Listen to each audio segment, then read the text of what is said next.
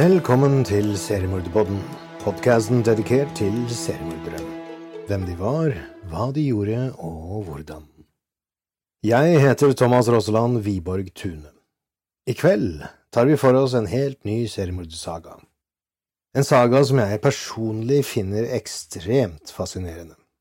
Som kjent er menn massivt overrepresentert blant seriemordere. En studie fra USA av en viss M. Newton hevder at andelen mannlige seriemordere er minst 85% Han skriver minst fordi det er ganske mange seriemordersaker som er uløst, og der man ikke vet med sikkerhet om gjerningspersonen er mann eller kvinne. Jeg finner det derfor svært interessant å ta for meg kvinnelige seriemordere.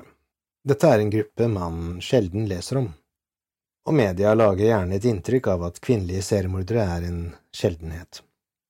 Ja, det er langt flere mannlige seriemordere enn kvinnelige, men at kvinnelige er en sjeldenhet, er å dra det langt.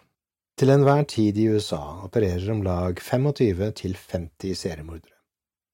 15 prosent av dette er sex. Det er altså ikke usannsynlig at det til enhver tid er seks aktive kvinnelige seriemordere i USA alene. Kvinnelige seriemordere oppfører seg generelt annerledes enn sine mannlige kollegaer. Drapsmetodene er ofte gift, hvis ofrene er voksne, men ofte i kvinnelige seriemordersaker er ofrene små barn, og da er voldelige metoder like utbredt som hos menn. I kveldens episode skal vi ikke ta for oss drap på barn. Det fikk vi nok av for en stund med Pedro Lopez.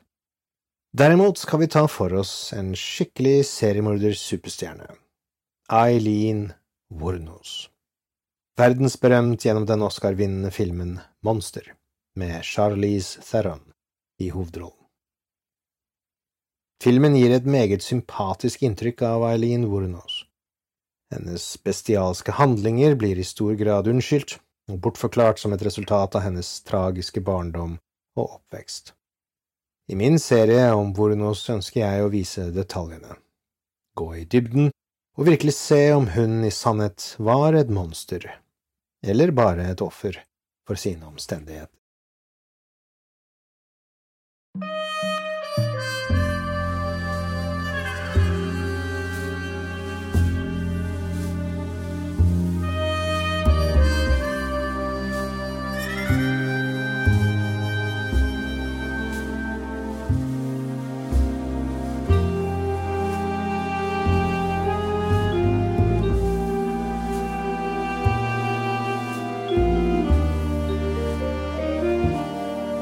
Eileen Carol Pittman var et skuddårsbarn. Hun kom inn i denne verden, en glad, sunn baby, onsdag 29. februar 1956, pakket inn i det varme og trygge miljøet på Clinton Hospital, Detroit, Rochester, Michigan, USA.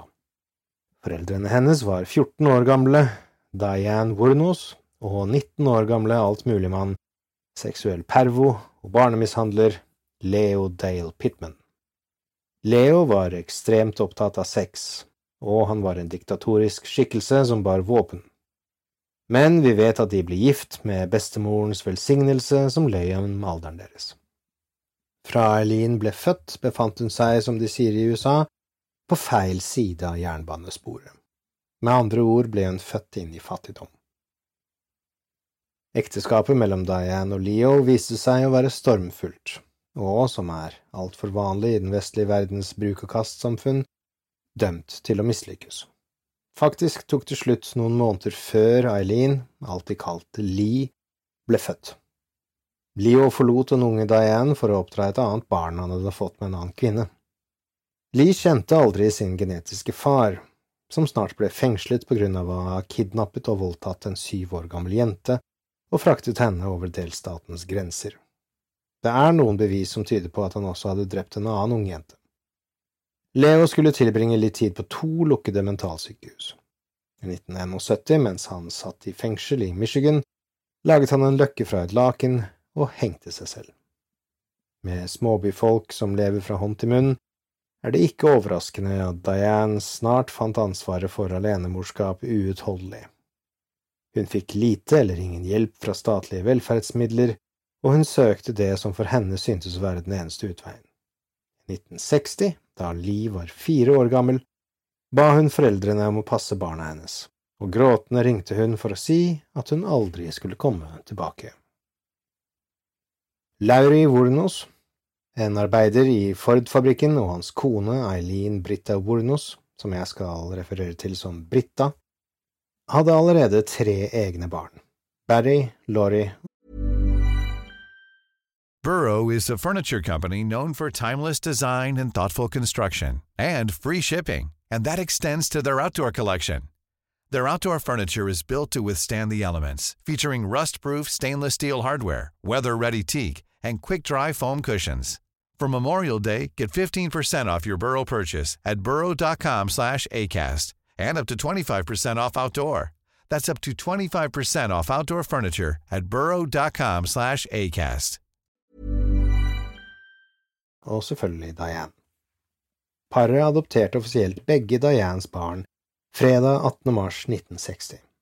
Hjemmet deres, med sin triste, gulmalte trekledning, var en traurig enetasjes ranch midt i en klynge trær plassert utenfor Cadmus Street i Troy, Michigan.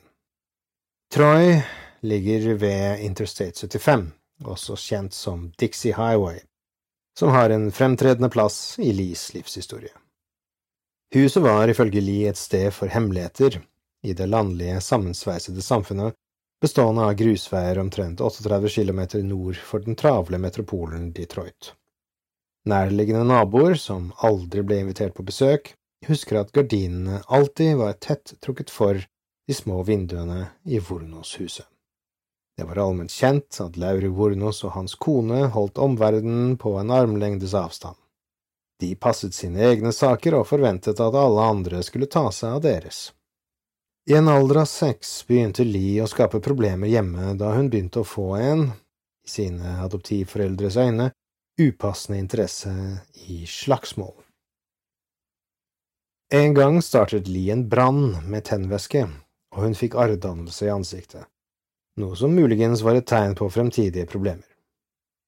Laurie og Britta oppdro Lee og Keith med sine egne barn, Barry og Laurie, men de avslørte ikke at de faktisk var de adopterte barnas besteforeldre. Og bak de skyggefulle vinduene kom det til hyppige viljesammenstøt mellom unge Lee og hennes sterkt drikkende, fysisk skremmende bestefar. Den allestedsnærværende tredjeparten var et bredt, brunt skinnbelte som han hang på en knagg bak soveromsdøren.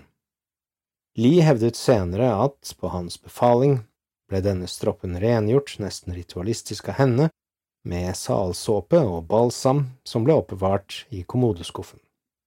Hun hevdet hun ble tvunget til å bøye seg kliss naken over kjøkkenbordet, der ble hun ofte slått med det doble beltet.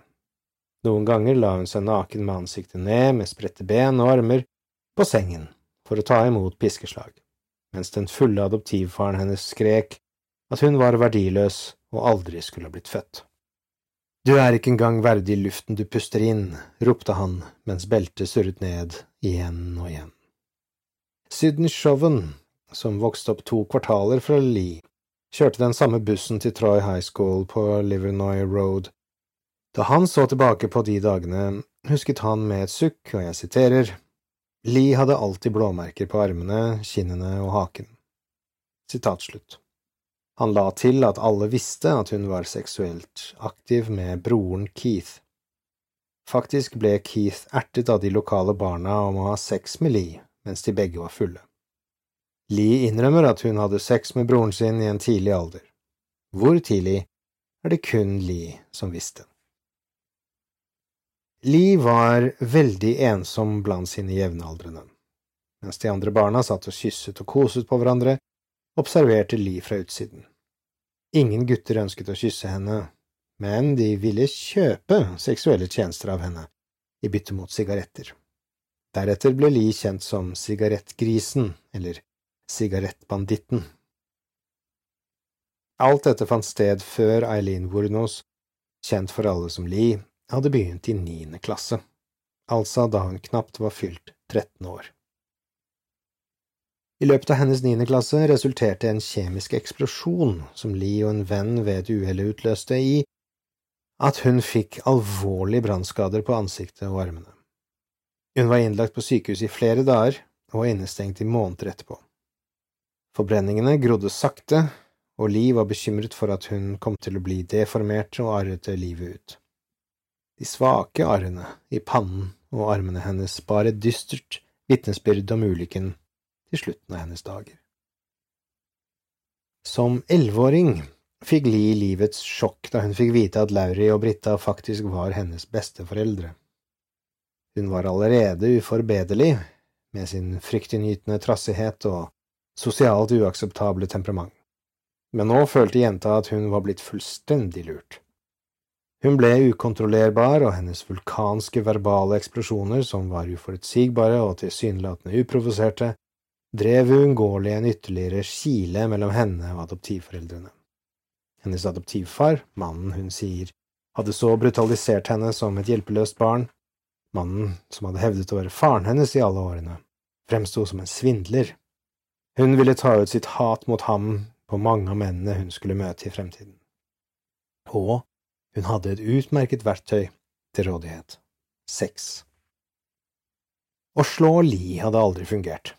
Det tjente bare til å herde hennes besluttsomhet. Så en jul kastet bestefaren henne ut i snøen. Hun bodde i skogen med en gutt i to dager før hun reiste hjem. Så ble hun kastet ut igjen, og sov i forlatte biler. Etter dette, og lei av å fryse og ikke ha noe sted å bo, stakk hun av for en periode med en kjæreste som heter Dawn Botkins. De haiket til California. Dawn forble Lees nærmeste venn til dagen hun ble henrettet.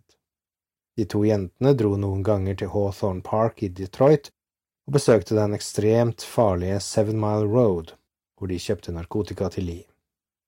Narkotika var noe Lee begynte med tidlig, og hun brukte alt fra hasj til heroin. Millions of people have lost weight with personalized plans from Noom, like Evan, who can't stand salads and still lost 50 pounds. Salads, generally, for most people, are the easy button, right? For me, that wasn't an option. I never really was a salad guy. That's just not who I am. But Noom worked for me. Get your personalized plan today at Noom.com. Real Noom user compensated to provide their story. In four weeks, the typical Noom user can expect to lose one to two pounds per week. Individual results may vary.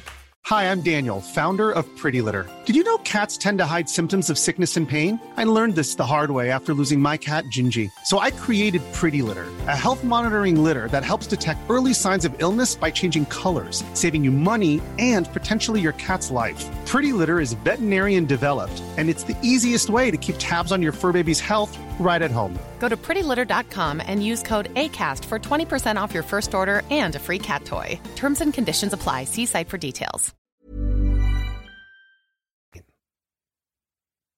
Lee var en stordrikker allerede i en alder av tolv, og ved en anledning våknet Lee fra en beruset døsighet for å finne tørkede sædflekker over alle klærne sine. Ved en annen anledning, på en fest, så andre barn på at to gutter tok henne mens hun lå full og krøllet sammen i fosterstilling på gulvet. Lees livsproblemer var i en alder av tolv allerede enorme, og snart skulle de bli hugget i sten. På skolen var ikke ting noe bedre. Hun klarte ikke å konsentrere seg, tankene hennes vandret, og hun så ut til å ha et hørselsproblem. I en alder av 14 var personalet så bekymret over oppførselen hennes, i et tilfelle satt hun fyr på en rull toalettpapir på et vaskerom på skolen, at en lærer skrev, og jeg siterer, Det er viktig for denne jentas velferd at hun oppsøker rådgivning umiddelbart. Sitat slutt. Ingen så til å bry seg, spesielt ikke adoptivforeldrene hennes, et svik som skulle koste dem, åtte menn og deres familier, dyrt.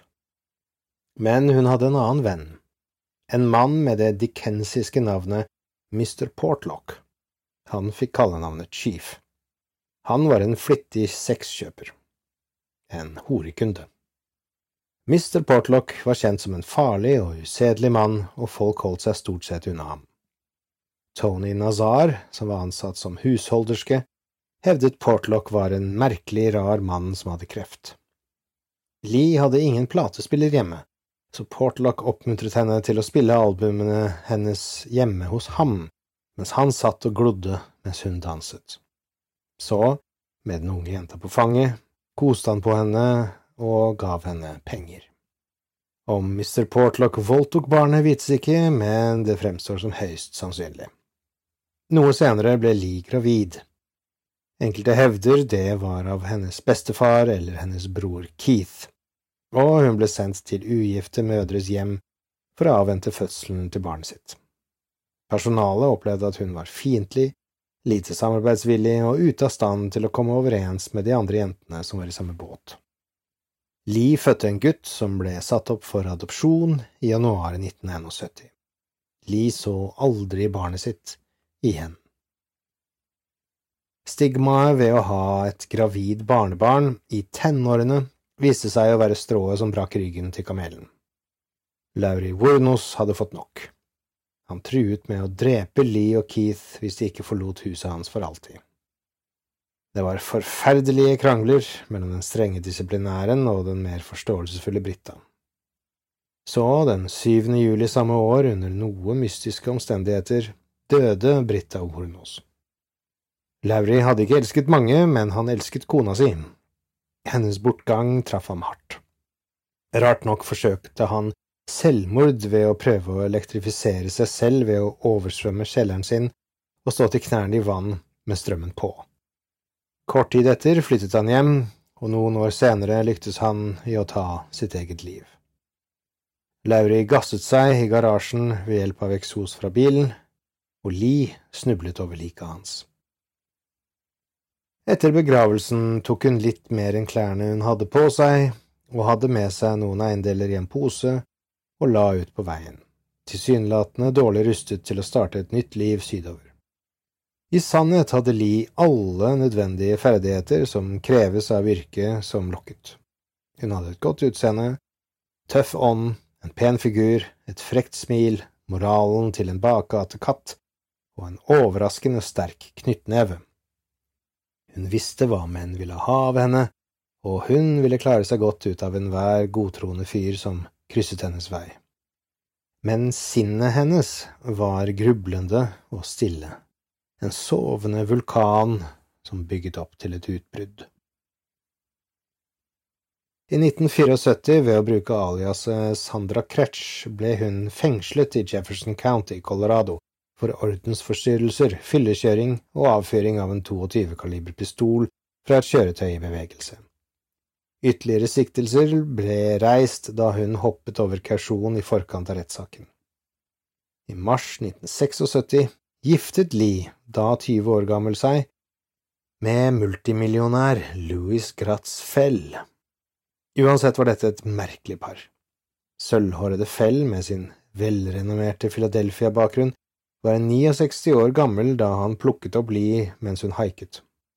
Han var godt tilkoblet og hadde en kortholder med visittkort som inneholdt alle kontaktene hans, som inkluderte dommere, advokater, statsadvokater og politifolk, blant andre. Da Lee og Louis skilte selskap, ble denne kortholderen borte. Det vi imidlertid kan se, er at Lees første store svindel, selv om det ikke var en morderisk handling, var mot en eldre mann som var flere år eldre enn bestefaren hennes. Det som gikk gjennom Louis på den tiden, kan man bare spekulere i. Likevel tilbød han Lee sin hånd i ekteskapet, som hun godtok med en gang, og etter å ha kjøpt henne en veldig dyr forlovelsesring, giftet de seg i Kingsley, Georgia. Bryllupet fant sted mindre enn to måneder etter døden til Lees 65 år gamle bestefar Lauri. De fleste av de som kjente Lee, så kynisk på ekteskapet hennes. De klødde seg i hodet og fant det umulig å bedømme det som noe annet enn et rent svindelforsøk, noe det absolutt var. De visste at Lee var i stand til omtrent alt. Den uvitende Louis Fell hadde ingen anelse om hva han bega seg inn på. Louis var uvitende om hva som kom. Slik han så det, hadde han en ganske ung kvinne på armen og i sengen. Samtidig nød Lee fruktene av det pengene hans kunne kjøpe. Tidlig i juli 1976 rullet mann og kone inn i Michigan i en splitter ny kremfarvet Cadillac og sjekket inn på et motell. Gamle Louis vandret inn i et veldig alvorlig problem. Hans idylliske drøm om å slå seg ned hver natt med et ungt stykke kjøtt for å tilfredsstille sine seksuelle lyster var i ferd med å bli hans verste mareritt. Torsdag 13. juli bestemte Lee seg mot ektemannens uttrykkelige ønske for å gå ut på byen, mens Louis ble hjemme for å se på TV. Etter å ha besøkt noen barer endte hun opp på Bernies Club i Mancelona, hvor hun bydde seg frem med kroppen sin og begynte å tilby sine tjenester ved biljardbordet. Likevel, til tross for hennes fysiske egenskaper som fikk lokalbefolkningen til å sikle ved munnen, bestemte bartenderen og manageren Danny Moore en gang etter midnatt at han hadde sett nok av henne. Lee var full, bøllete, ropte uanstendigheter, ytret trusler mot andre gjester og var generelt ubehagelig. Danny gikk rolig bort til biljardbordet og kunngjorde at bordet holdt på å stenge. Mens han samlet biljardballene, hørte han noen rope dukk. Han snudde seg akkurat i tide for å se Lee sikte en biljardball mot hodet hans. Den bommet med bare centimeter, men missilet hadde blitt slynget med så stor kraft at det satte seg fast i veggen. Da en smilende nestleder, Jimmy Patrick fra Antrim County sheriffkontor ankom, ble Lee arrestert for overfall og vold og fraktet til fengsel. Hun ble også siktet for å ha flyktet fra Troy politidistrikt, som hadde bedt om at hun ble siktet for å ha drukket alkohol i en bil, ulovlig bruk av et førerkort og for ikke å ha et Michigan-førerkort. Hun ble kausjonert da en venn dukket opp med vesken hennes som inneholdt 1450 dollar ektemannens penger. Tre dager senere døde broren Keith, 21 år gammel, av kreft i halsen. Det hadde vært i kroppen hans i lang tid, og hadde endelig spist han opp. Keith ble kremert i samme begravelsesbyrå som Britta og Laurie Vornos. Lee kom for sent til gudstjenesten, men akkurat i tide til å legge en rose i hendene til broren. Mine kjære lyttere trenger ikke å være klarsynte for å spå at ting ikke lovet godt mellom Lee og Louis, og at ekteskapet skulle bli kortvarig. Lee hadde blitt drevet mellom ønsket om å drikke seg full og henge på barer, det mindre ønskelige alternativet, lange perioder med uhyggelig kjedsomhet, sittende ved føttene til hennes gamle ektemann i hans snobbete strandleilighet, med øynene deres klistret til TV-programmer om tog, båter og aksjemarkedet. Med ekteskapelige problemer som dukket opp fra alle retninger, prøvde Louis det veltestede og universelt godkjente Jeg er eldre enn deg, vær så snill å respektere dine eldre triks. Lee svarte med å gi sin nye ektemann en blåveis. Rystet av dette utbruddet fra sin søte unge kone, prøvde Louis en annen idé. Tross alt hadde det fungert med hans avdøde kone og de to andre før det. Han ville kutte Lees lommepenger og hvis det mislyktes, ville han ikke gi henne noen penger i det hele tatt. Etter å ha vurdert planen over natten, kom frokosten. Kledd i slåbroken, føttene varme i de lodne tøflene sine, kom han så langt som å si Jeg vil slutte å tillate deg da hun rundhjulte ham med spaserstokken hans og pekte et kjøttspyd ubehagelig nært halsen hans. Louis Fell så da lyset. Ved første anledning fikk han etablert besøksforbud for å forhindre ytterligere mishandling, og søkte annullering av ekteskapet med påstand om at hun hadde sløst bort pengene hans og utsatt ham for gjentatte tilfeller av grov vold. Og med det, kjære lytter, kommer vi til slutten av del én i sagaen om Eileen Hornås. Neste episode fortsetter vi denne serien, så som de sier i Radioland, følg med.